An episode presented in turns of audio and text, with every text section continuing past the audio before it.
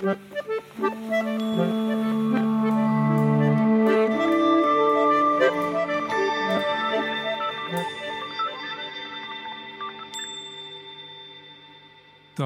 jeg ønske velkommen til podkasten Ytringsklima, hvor vi snakker om hvordan folk snakker sammen på en arbeidsplass eller i en organisasjon.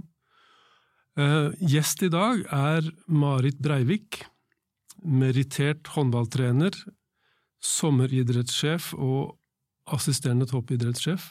Velkommen i studio, Marit. Takk, takk.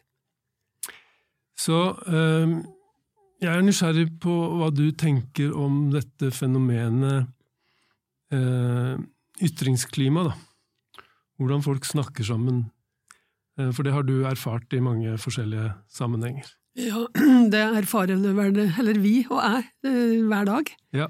Og mm, har jo jobba mye med det i eget landslag, eh, med håndballjentene. Nettopp. Og vi trenger å jobbe med det i Olympiatoppen i, i vårt daglige arbeid. Så mm, det er jo et, eh, et eh, utviklingsprosjekt som det ikke er mulig å slippe tak i. Nettopp. Jeg har faktisk snakka med ledere som sier at de har hørt om det der med ytringsklima, men de har ikke tenkt å ha et sånt der ytringsklima. Det er jo ikke noe man velger bort, akkurat. Nei, for er det dårlig klima, så får det konsekvenser for ganske mye. Så, Ja. så det er all mulig grunn til å jobbe med det, og, og øke bevisstheten på det. Ja.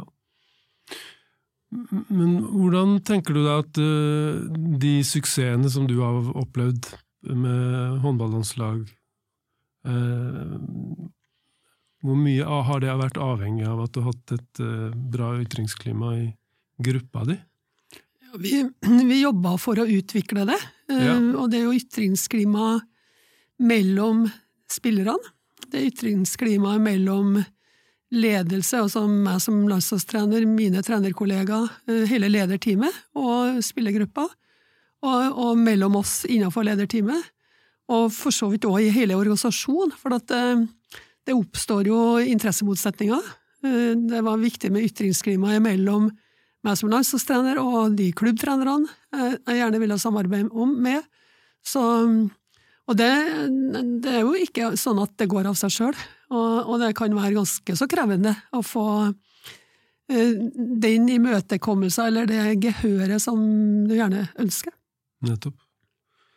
Eh, Et begrep som mye brukes rundt eh, ytringsklima, det er det som handler om psykologisk trygghet. Altså det å, at medlemmene i gruppa skal oppleve at eh, her kan de faktisk si akkurat det de mener, selv om det går på tvers av det lederen mener, eksempel, eller andre, andre folk i gruppa mener. Da.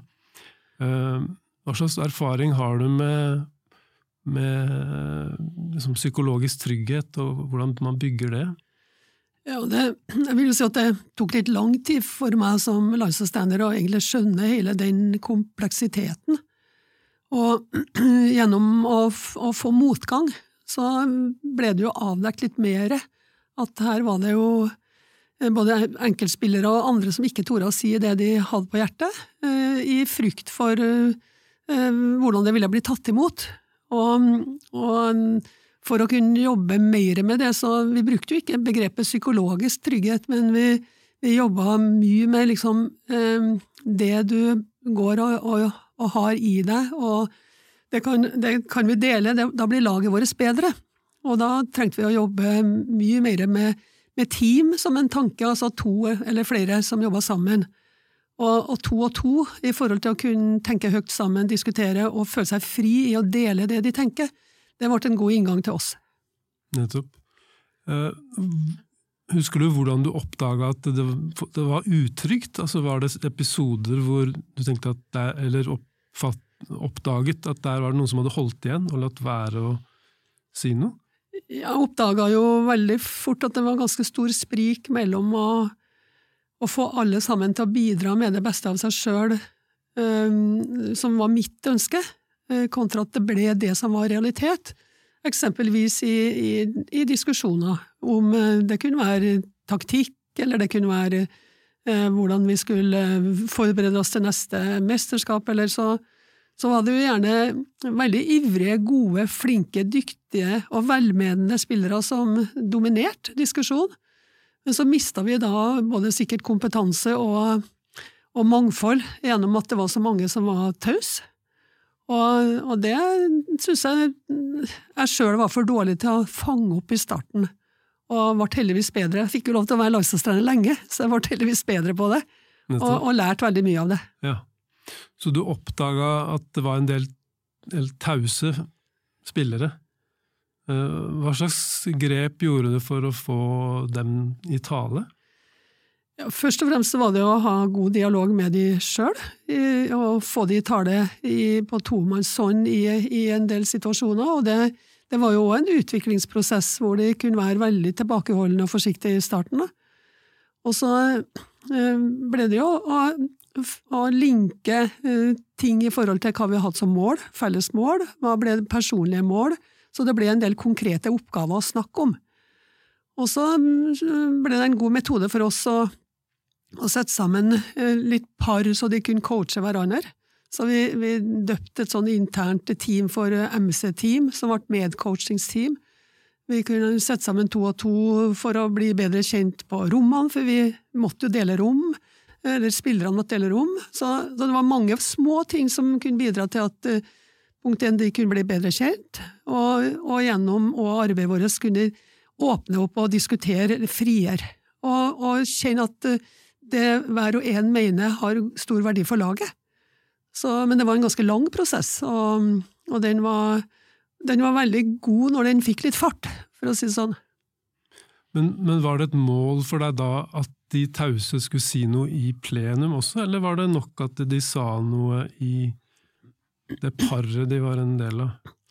Det viktigste var jo at de sa eh, noe i det paret de var en del av. Og det var jo flere som kunne si til meg Marit, du må ikke spørre meg om noe i møtet, nei. For de var engstelige for det, og det mangla jo den eh, psykologiske og sosiale tryggheten. Ehm, men det som ble veldig fint, det er jo at når, når to og to sitter og reflekterer og diskuterer, så eh, kunne jeg gå bort til, la oss si at det var Hanne og Katrine, da, så kunne jeg gå bort og si hva snakka dere om i forhold til hva som var Russland sin eh, forsvarsstyrke? Um, og så kunne de dele det. Så ble det liksom mye friere å dele det. Og da kunne de dele til og med i plenum også? I plenum òg, ja. Ja, ja, ja.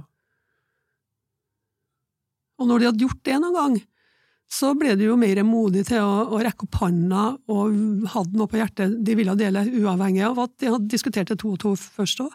Så, så det var en uh, barrierebryter, det, å mm. bruke den metoden. Nettopp. Dette tror jeg er uh, relevant langt utover uh, idretten, og det er hvor du skal ha grupper som skal jobbe sammen, da.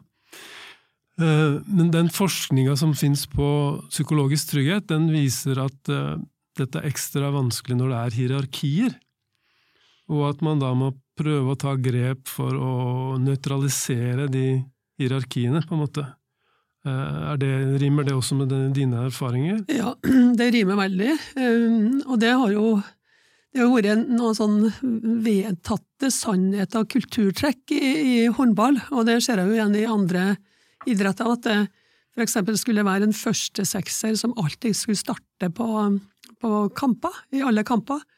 Eh, og så var det lov å bruke tolv, eller det var lov å bruke ti, eksempel, utespillere. Nå er det lov å bruke 16 eh, i en kamp.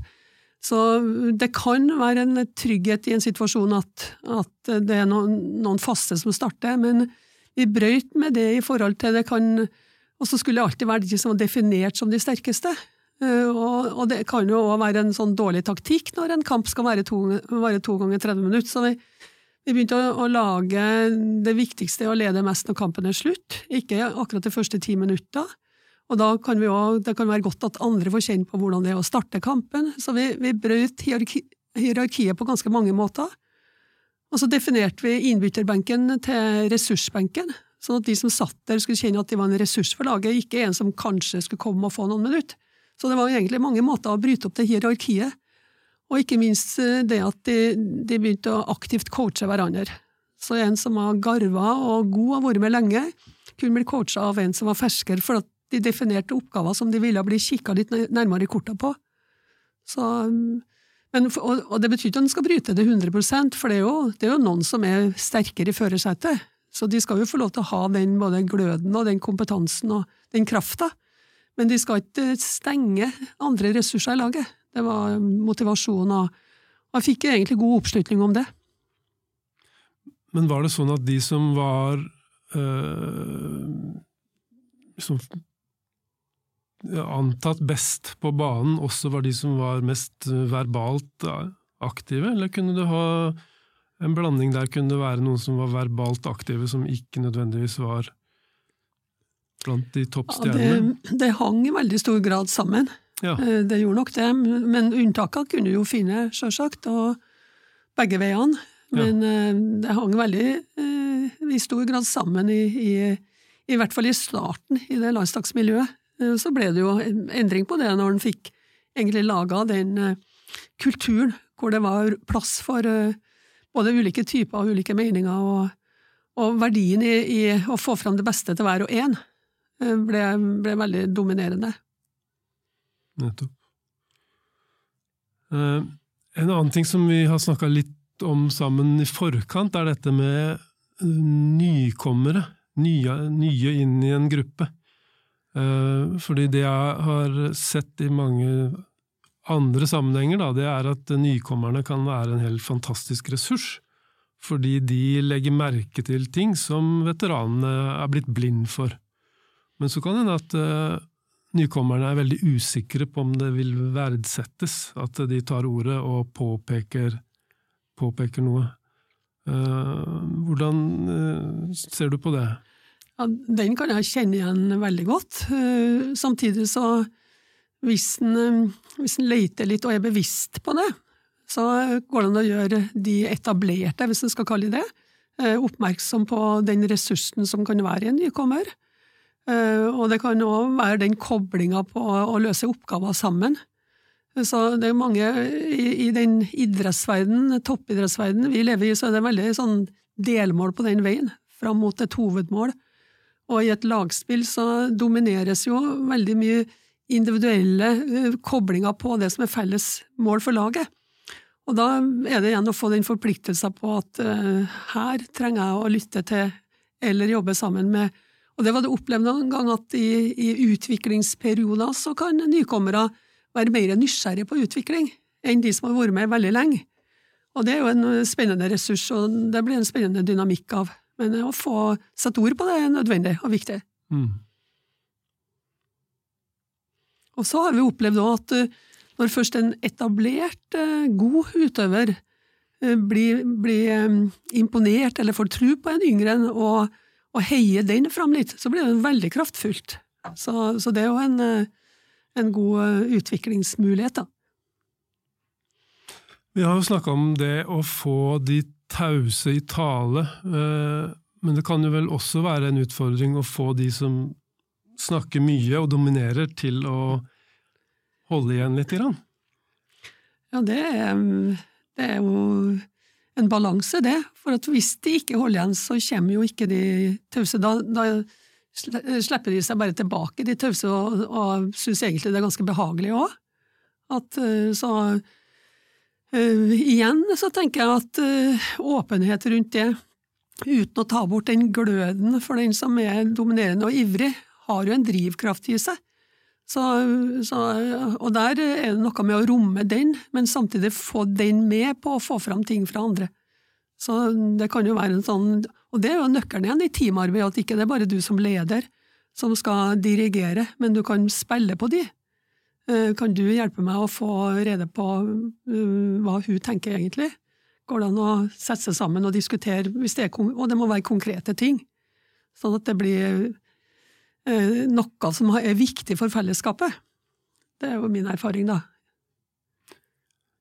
Ja, for jeg, jeg lurer på om det finnes noen råd å gi til ledere som har kanskje veldig viktige aktører i sitt, sin gruppe, da som liker å ta ordet og dominere. Og du skal på en måte som leder formidle til dem at de, kanskje må eh, holde igjen for å gi rom for, eh, andre sine ytringer?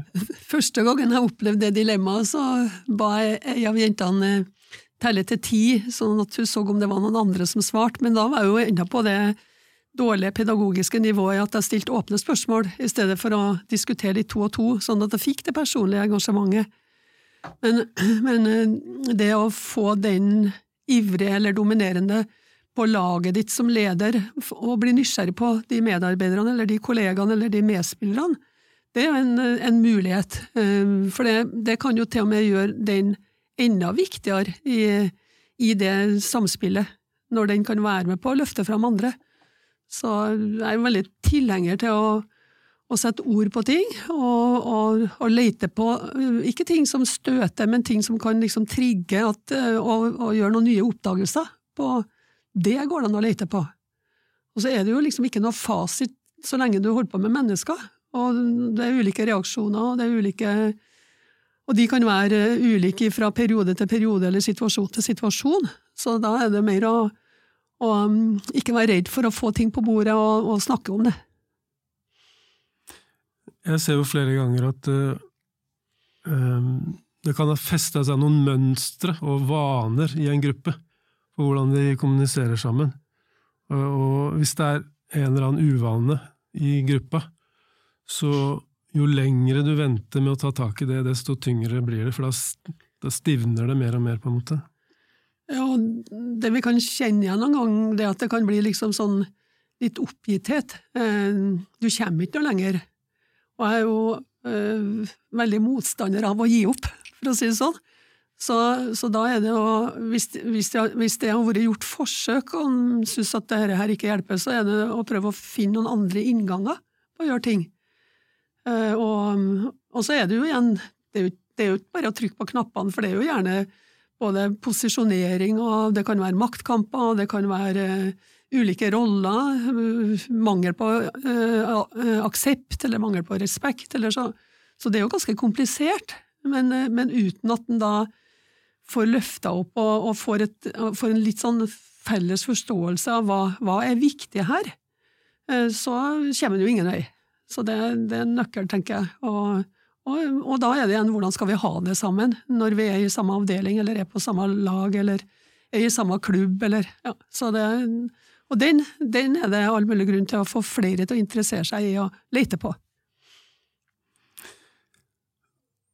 Jeg har øh, gjort, uh, vært med på en sånn empirisk undersøkelse i norske virksomheter for å se på uh, opplevd kvalitet på ytringsklima. Og et mønster vi ser da, er at ledere jevnt over har høyere tanker om ytringsklima enn det medarbeiderne deres har. Så du, en, du, som er leder, kan tro at her hos oss så er det greit å si fra. Det er lav terskel for å si fra. Og så kan det vise seg at det ikke stemmer. Ja, men det har jeg, Den fella der har jeg gått i ja. sjøl, og det er fordi at uh, vi ikke var bevisst nok eller jobba nok i forhold til um, hierarkiet og klimaet internt. Uh, I hvert fall i et landslag så er det ganske lett å bli redd for at ikke du skal bli opplevd god nok i forhold til de du skal være samarbeidende med, samspillende med. Så det var, var en ting som uh, det tok litt tid før jeg skjønte fullt og helt. Uh, det andre er jo Um, er invitert, og, og, av hele mitt hjerte, uh, invitert til dialog og, og, åpenhet. Men så har du dere maktposisjon. Jeg var jo da den landslagstreneren, eller i dag er den lederen, som òg har et ansvar for å vurdere om, om folk gjør jobben sin godt nok. Så det er jo et spenningsforhold der. Så det å øke den uh, ærligheten på at det er der, uh, er jo da òg viktig for å og, skape den tryggheten. Og det gjelder på Olympiatoppen i det samarbeidet vi har der, og det gjelder uh, i ethvert uh, Ja, det gjelder overalt, egentlig. For det vil være ulike uh, maktposisjoner der som, som skaper usikkerhet. Ja, og i et, et, øh, et, landslag i håndball, så er det så konkret som at det er du som tar ut laget. Det er du som plukker ut hvem, hvilke spillere som skal få være med videre.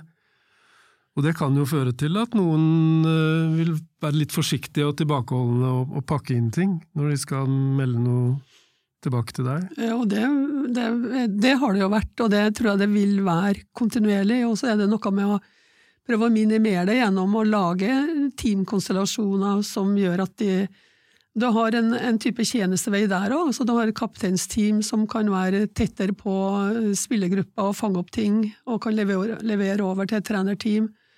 Eh, så det, det, er flere måter å, å, å øke den relasjonelle uh, kontakten med, på, da. Sånn at de, de, skal føle seg tryggere og, og bli veldig sånn øh, Eh, fri i å, å, å, melde ting som er viktig, og det kan være dødsviktig for den personen sjøl. Og så kan vi da finne ut at ja, det er ikke så viktig for laget, så vi må liksom møtes på halvveien. Men hvis ikke du møtes på, eller får det på bordet en gang, så får du egentlig ikke gjort noe med det. Og da blir det ofte energilekkasjer, og, og det blir ikke godt nok for, øh, for flere, kanskje. Så, men det der er jo, det er jo livet, på en måte. Så jeg besøkte jo dere i Olympiatoppen for noen år siden og snakka om uh, dette temaet, og da vi tok en kaffe før vi kom, gikk i studio i dag, så nevnte du hint og håp. Som foreleser så ble jeg jo glad når noen husker hva jeg snakka om for flere år siden. Men hint og håp er jo en tematikk her, ikke sant? Ja visst, visst er det det. Jeg husker jo det foredragene du hadde til oss i, med hint og håp i forhold til helsevesenet, hvor det var veldig dramatisk. Ja, nettopp. Uh, uh, og hint og håp uh, Det er jo litt, litt sånn nå i, i, lederskap, så skal jo vi være gode til å lede sånn at hver og en blir god til å lede seg sjøl. Det er jo et, i hvert fall et hovedmål, og da, da, kan vi heller ikke være tankelesere. Så, så, så hvis det blir, blir hint som blir liksom uforståelig eller utydelig, så, så er ikke det god nok hjelp. Så vi snakker om eh, internt på Olympiatoppen at vi liker litt rake pucker, altså sånn for å bruke det ishockeyspråket. Eh, og så kan jo de av og til eh, Det kan være at de kan bli litt følelseslada, men, eh, men, hvis vi er trygge på at vi vil hverandre vel, vi har et, eh, et, en enormt lyst til å nå det felles målet, eh, og så vet vi at vi bommer noen gang, jeg som leder og trener bomma jo flere ganger, i beste mening, men det var bom. Og takk og pris at jeg hadde spillere som kunne sende noen rake pucker, da, så det eh, var mulig å, å, håndtere det. Eh, og jeg sier ikke at det alltid er lett å håndtere det heller, men da får du jo noen meldinger som gjør at du tenker deg mer om, og så kan du sammen med den det gjelder, finne noen nye veier.